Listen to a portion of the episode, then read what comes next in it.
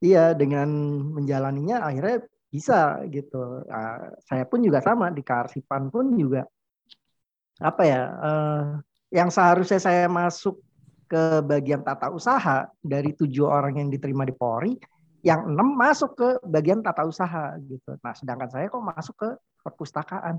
Nah, belum kerja di perpustakaan udah ditarik ke bagian akademik gitu kan, bagian akademik lebih nggak nyambung lagi. Ditambah lagi setahun kemudian selama tujuh tahun saya di bagian dokumentasi. Nah ini yang Bang Seno tanyakan terkait dengan dokumentasi bisa juga dikaitkan dengan kearsipan. Salah satunya hmm. ketika saya menyimpan itu dengan cara per hari setelah kegiatan saya simpan secara folder per hari. Jadi basic simple itu arsip itu unik.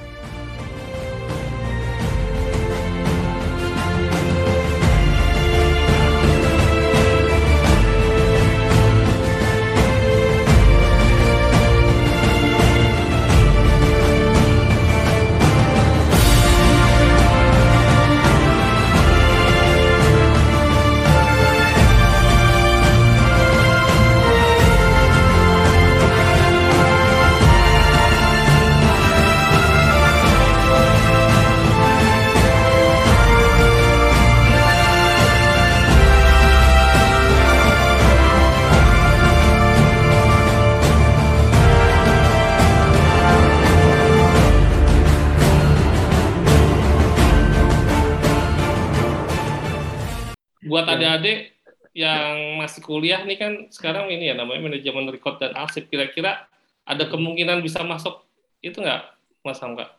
Atau bisa lewat jalur itu nggak untuk menjadi masih. prajurit? Ya masih. Jadi justru malah yang unik saya bilang eh, ya yang jelas kalau yang masih pengen ikut eh, di program tersebut rajin-rajin aja dilihat di rekrutmen tni.co.id eh, itu itu yang dikeluarkan oleh Mabes TNI itu uh, selalu ada kalau saya lihat. Ya selalu ada. Uh, itu diminta uh, kadang yang minta itu angkatannya beda-beda. Untuk tahun ini misalnya angkatan darat besoknya mungkin uh, angkatan laut tahun berikutnya mungkin angkatan udara uh, mungkin Polri ada sendiri. Kalau Polri namanya ya, SIPP ya, ya yang oh, di Semarang Iya betul. Kalau di Polri bang, mohon izin, uh, ini saya juga sebatas kilas juga sih pahamnya. Jadi kalau di Polri itu yang tadi Bang Hamka jelaskan untuk saat ini namanya SIPP. Jadi uh, Sekolah Inspektur Polisi Sumber Sarjana gitu bang. Jadi uh, ujung-ujungnya nanti dia akan jadi perwira karir sesuai dengan background latar belakang jasa pendidikan sebelumnya gitu bang. Diharapkan ke arah sana. Jadi ada yang dari dokter ada yang dari teknik terus juga ada juga yang dari karsipan ke depannya. Ya terus juga sebatas tambahan juga sebenarnya di Polri sendiri itu ketika saya masuk di tahun 2011 Januari itu saya mencoba uh, mencari senior saya juga bang. Mungkin angkatan Bang Hamka atau yang lainnya segala macam Bang Dape ada namanya uh, Bang Gunadi gitu dan bahkan dia uh, dia itu bisa dibilang apa ya senior banget di Polri itu di bagian sekretariat umum Setum. Jadi Polri uh, maksudnya Kapolri di bawahnya langsung ada Setum. Nah, bagian tersebut tuh yang ngurusin administrasi segala macam persuratan. Salah satunya ada bagian kearsipan Nah, itu Bang Gunadi lama di sana juga. Nih kebetulan aduh ada fotonya. Fotonya agak-agak ini nih. Nah, almarhum ya.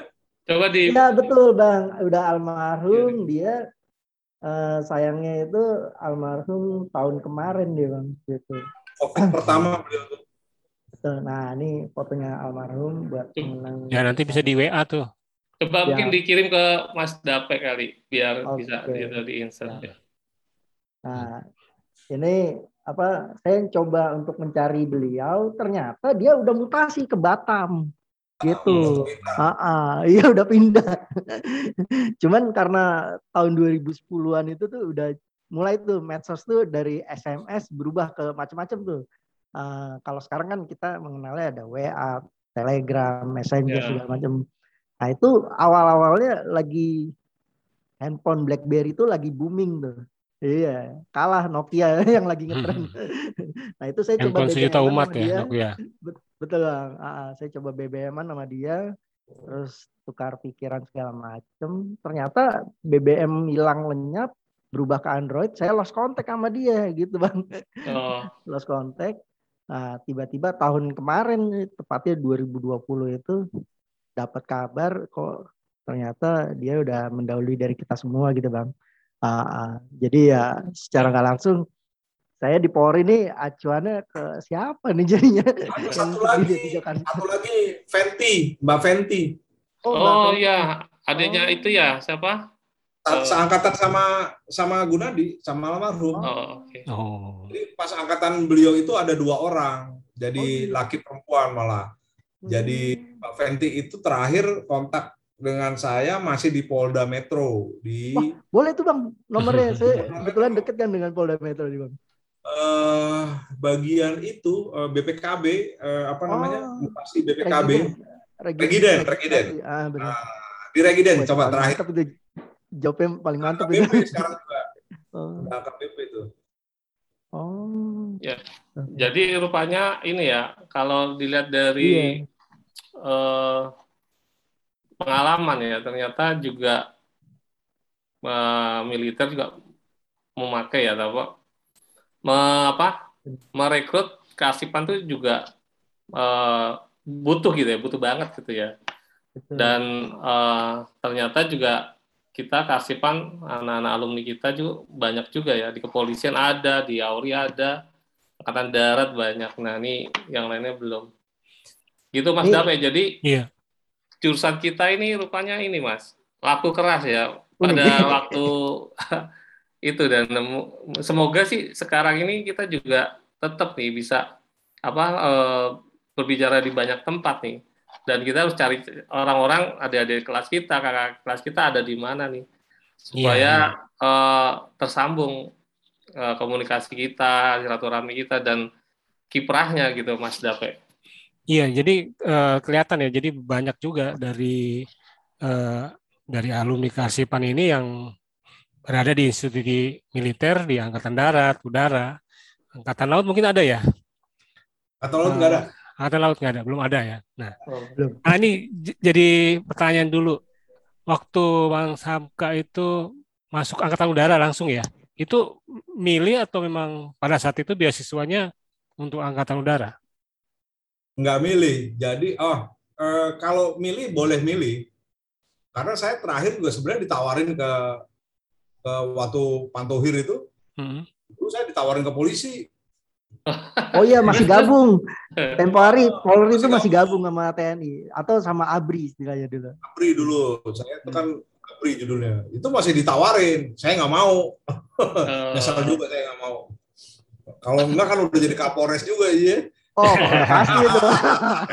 Kalau sekarang udah jadi sutradara ya mungkin di Polri udah Kapolres itu udah lewat berapa kali. Kapolres tuh mestinya jadi eh, karena memang lebih lebih cair di polisi sebenarnya kayak kayak kita cerita sedikit sama Mas Gunadi almarhum ya beliau itu eh, di otorita jabatannya ada beberapa macam hmm. pernah jadi eh, Kasatpol PP pernah jadi kadam eh, ini pemadam kebakaran kepala pemadam kebakaran Ah. terus baru eh, ke inspektorat kalau saya dengan seragam itu bang. Iya.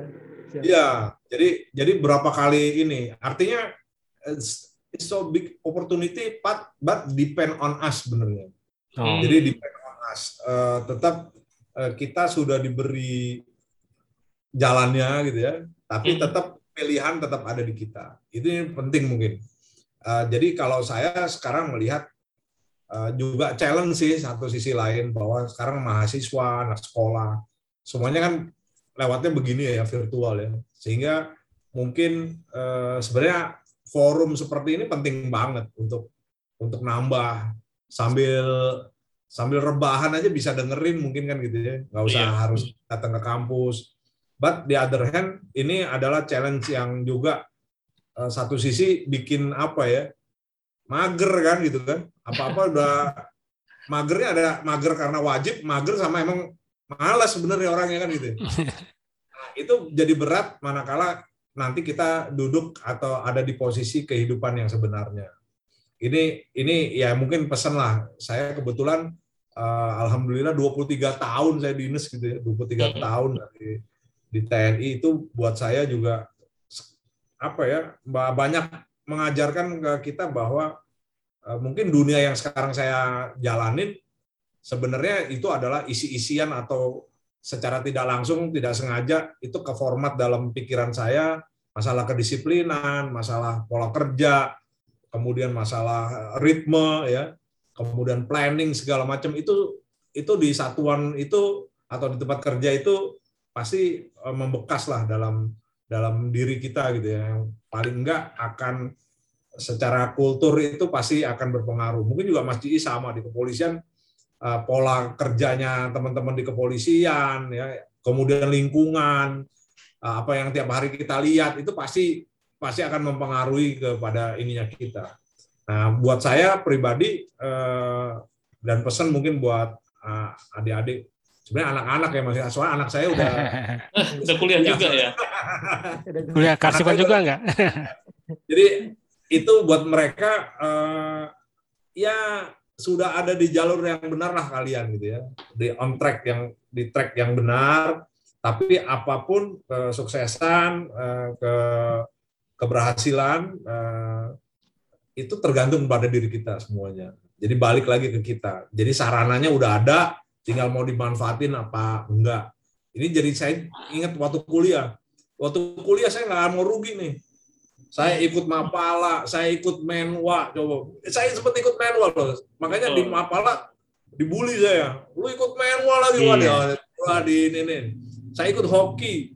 Nah, dulu bahkan mau ikut basket sama bola, cuma uh, itu saingannya banyak banget. Tapi kalau nggak ada di hoki. Jadi saya ikut semua artinya apa? Karena menurut saya saya di rumah yang besar kan gitu ya. Di UI ini gede nih kan gitu lah. Kita nggak manfaatin cari temen yang banyak, rugi kan gitu kan. Hmm. Alhamdulillah temen di hoki ada, sekarang temen di Mapala ada gitu kan. Eh, temen di kampus saya dulu juga extension ikut dua kali saya extension gitu kan. Hmm. Jadi menurut saya ah, itu emang buat buat pengkayaan hidup aja, nambah temen, nambah pengalaman, denger denger gini nggak usah baca buku, kita udah tahu oh Mas Ji di di kepolisian tuh begini ininya kan gitu ya. Uh, ini ini penting, makanya Mas David dan Mas Seno jadi challenge kita untuk mensosialisasikan kegiatan yang menurut saya positif, bagus gitu ya. Apalagi di di waktu era rebahan ini kalian nggak harus datang ke kampus dengan kita ngomong kan gitu ya Mungkin dosen juga kalau ngomong nggak jauh beda sama kita kan gitu ya. Pengalaman kebanyakan lagi kali malah jangan-jangan. Gitu. Dosen mungkin kan hanya di di di, di bidang dia mengajar gitu ya. Tapi kalau dosennya juga praktisi itu mungkin akan lebih jauh lebih yeah. Iya. uh, keren ininya karena beliau juga ngalamin jalanin uh, tidak hanya sekedar teori. Tapi kalau kita kan teorinya kita jalanin, uh, pengalamannya kita dapetin ya gitu ya itu juga membuat pengkayaan sebuah uh, apa yang mau kita raih di depan. Saya film kita nih, saya ngomongin film boleh dikit ya? Oh iya, boleh, boleh. Penasaran kali saya. Iya iya boleh. Di film ini, Mas apa ya? Uh, maaf, maaf, benar-benar. Jadi emang nih uh, Mas Dapa ya, saya dari tadi ya, ya. liatin aja nih kan, ini serigala langit nih, gitu kan. Iya. Apa sekarang, waduh, serigala udah di langit, di langit sekarang. Tinggal, gitu kan Nah ini Makanya menarik juga. Serigala aja udah sampai langit kan gitu. iya dan itu ya eh, pertanyaan ini apa hubungannya nih sekarang nih kan gitu Mas Hapka ya kok pakai eh, dress code-nya itu serigala langit dan background-nya serigala langit nih ada apa nih kan gitu Mas Dape? Iya. Ada satu pautnya dengan ini nih uh, masih dalam dunia militer nih.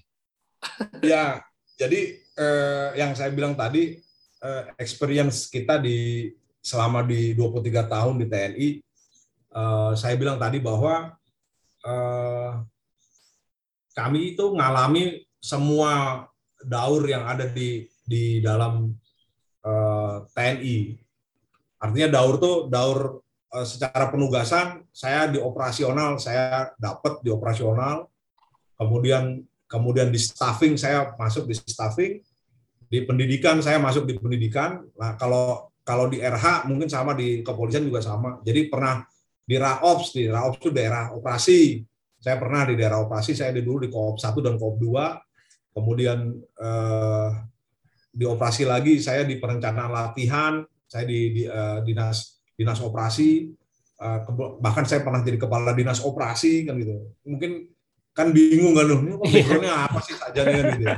Pada karsipan gitu. dari karsipan tuh ya. Gak ada yang nyangka kan, gak ada yang nyangka itu. Jadi yang saya bilang tadi kita memanfaatkan rumah yang besar, organisasi yang besar yang ada di kita, kita manfaatin secara positif ya, bukan secara negatif. Artinya dimanfaatkan, mumpung kita ada di situ, eh, belajar yang benar, mendalami dan gali yang sebanyak-banyaknya.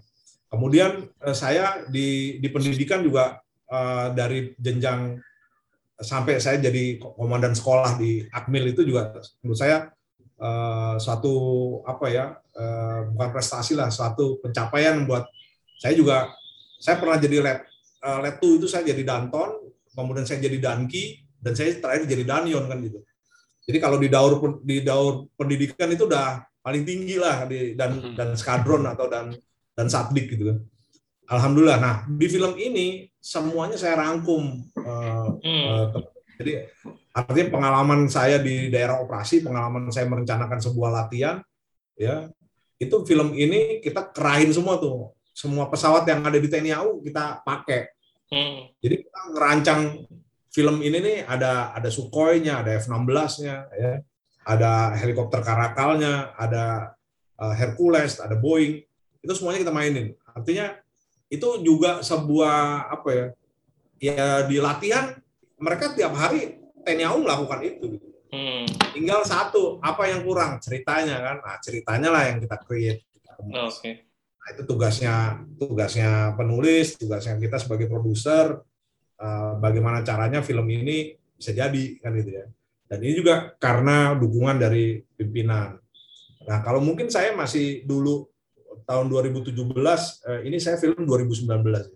Kalau saya masih di TNI mungkin mustahil juga saya bisa bikin begini gitu ya. Hmm. hmm. Kan ketahuan lah seorang letnan kolonel eh, bahkan seorang kolonel itu bilang ke, ke Kasau misalnya Pak saya mau bikin film siapa lu kan pasti uh, gitu ya.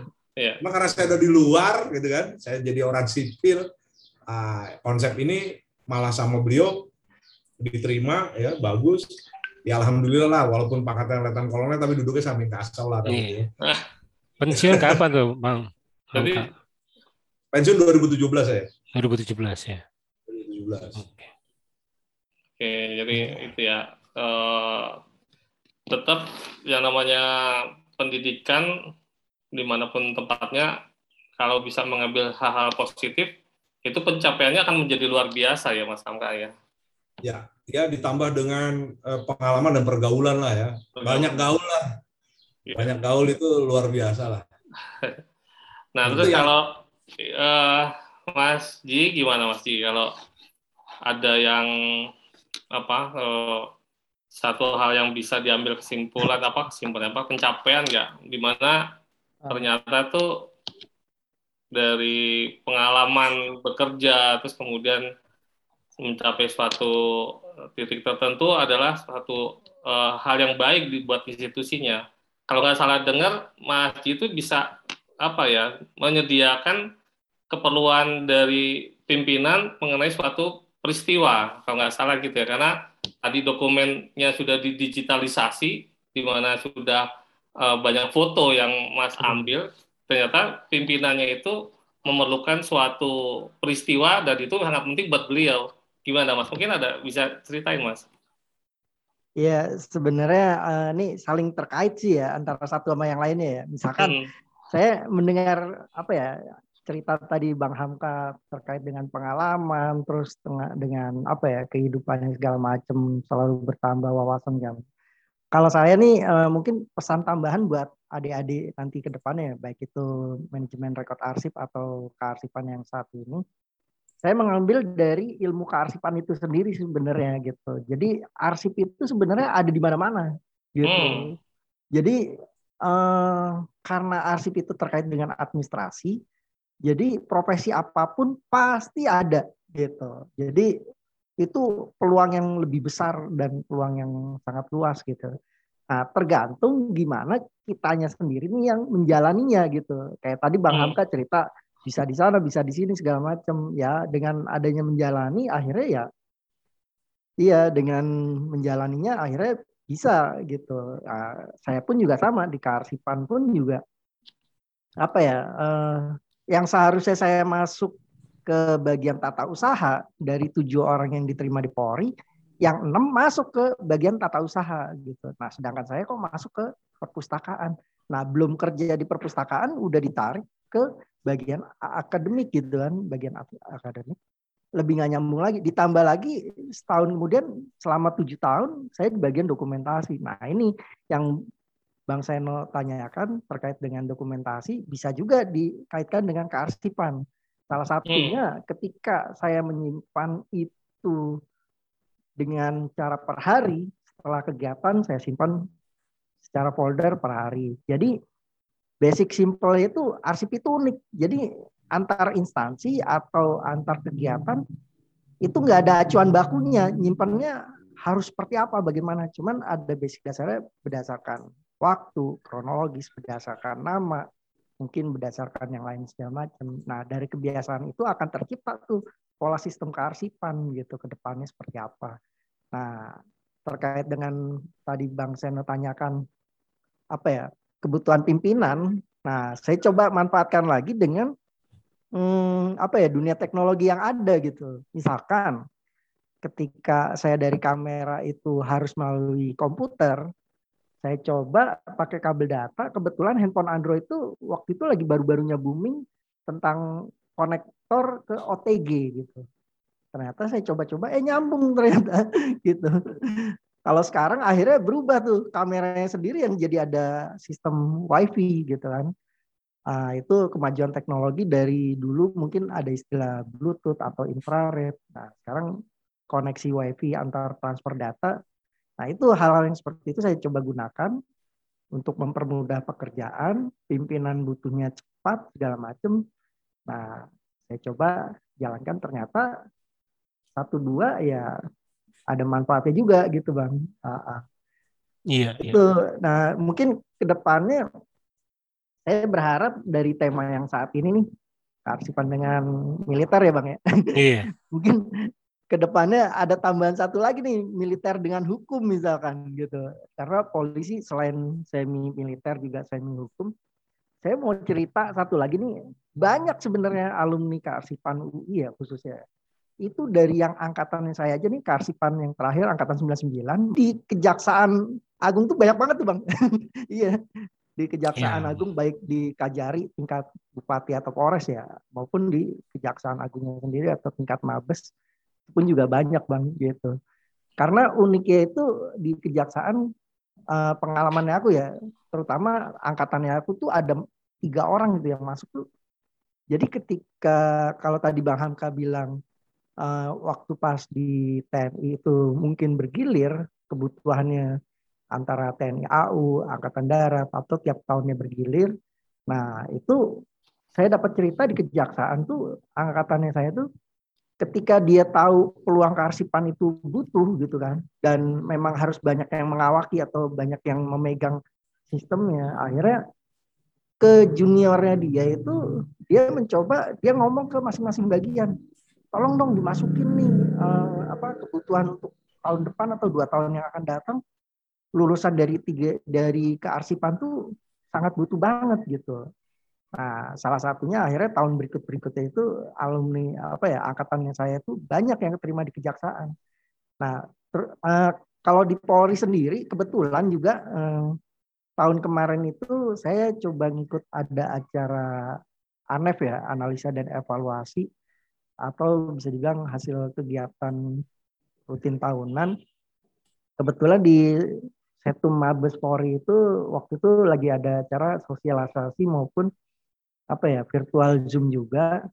Nah itu ke depannya pun juga dari bagian kearsipan atau yang dulunya ruangannya Bang Ham, apa eh, Bang Gunadi itu dari kepala bagiannya juga sempat menjelaskan ke depannya akan direkrut juga untuk dari lulusan uh, S1 kearsipan atau enggak D3 kearsipan iya untuk mengawaki kearsipan di Polri gitu. Karena ke depannya Polri juga mulai seperti kementerian lain juga ingin mengembangkan kearsipan juga gitu. Itu nanti rekrutmennya bisa kemungkinan juga jadi polisinya kayak Bang Hamka yang saat ini gitu kan. Beda sama saya saya seragamnya uh, aparatur sipil negaranya ASN ya kalau saya gitu. Oh. Uh, Oke, okay. iya kayaknya nggak iya. itu ya nggak nggak masalah. Yang penting ya, yang kita uh, ajukan temanya adalah di dalam institusinya sendiri. Itu Mas Dapai gimana Mas Dapai? Iya, iya. Jadi uh, menarik sekali ya. Uh, banyak sekali yang kita bisa dapat di pembicaraan hari ini di podcast kita hari ini. Uh, kalau dibilang kesimpulannya orang arsip ini serbaguna ya ya bisa di, digunakan di mana aja gitu. Seperti Bang Hamka itu bisa mungkin hampir uh, beberapa bagian departemen mungkin sudah sudah pernah dijajaki eh, uh, ya, bahkan jadi kepala sekolah juga begitu. Sempat juga dan apa profesi dari latar belakang profesi kita karsipan ini dan kebutuhan untuk administrasi dan apa namanya uh, jadi kita kayak serbaguna ya jadi nggak perlu merasa takut ya. lah ya merasa kecil hati lah di kalau di kalau dibilang bahwa tenaga arsipan ini diperlukan di mana aja bahkan tadi dibilang di kejaksaan juga saat ini malah banyak, banyak. dibutuhkan ya seperti itu dari saya sih pesan-pesan buat apa ya junior di bawah saya yang jauh atau apa ya ya yang belum masuk ke dunia nyatanya untuk bekerja segala macam. Tapi ilmu apa pun sih kalau menurut saya it's okay bagus. Nah, terutama karena kita di arsip ya itu di mana pun bisa kita terapkan. Eh, nggak uh, cuma di pemerintahan atau di perkantoran biasa segala macam. Mungkin kalau butuh tantangan besar tuh bisa menciptakan dunia kerja sendiri gitu. Soalnya banyak nih alumni dari kearsipan sendiri nih ada yang udah punya perusahaan juga, ibaratnya bisa uh, kerjasama dengan yang lainnya juga, dengan pemerintah maupun dengan pihak swasta. Jadi ya pinter-pinter apa ya mencari ilmu baru, suasana baru, terus juga informasi yang luas mengenai dunia kearsipan tuh banyak dan jangan berkecil hati gitu. Itu peluang yang sangat besar sekali jika dari kitanya sendiri atau dari adik-adik mahasiswa bisa mengembangkan dirinya meluas ke mana aja dengan basic kearsipan. Mungkin itu inti poinnya. ya. Wah mantap ya. Jadi uh, percaya diri ya meskipun di awal tadi kalau nggak salah salah jurusan salah jurusan terus kita nggak tahu ke mana gitu yang penting jaket UI dulu lah gitu jaket kuning dulu lah kan jadi apa ya paling nggak kita berpikir pada waktu itu wah one step ahead lah kalau nggak kita punya satu kuncian lah kayak gitu kalau misalnya main truf gitu ya kalau di kampus itu kan ada kunciannya nih ada trufnya nih nah kita pegang trufnya kartu kuning eh kartu kuning jaket kuning ya Closing nah, simple aja, simple aja. Jadi buat adik-adik atau anak-anak yang sedang kuliah sekarang gitu ya, atau teman-teman yang mungkin baru lulus satu dua tahun, eh, kalian sebenarnya sudah di track yang benar. Gitu ya. Artinya di track yang benar itu sudah punya jalur, sudah punya eh, kendaraan, ya, tinggal eh, dikendarai menuju kesuksesannya mau bagaimana. Jadi eh, tentuin dulu tujuannya mau ngapain gitu kan.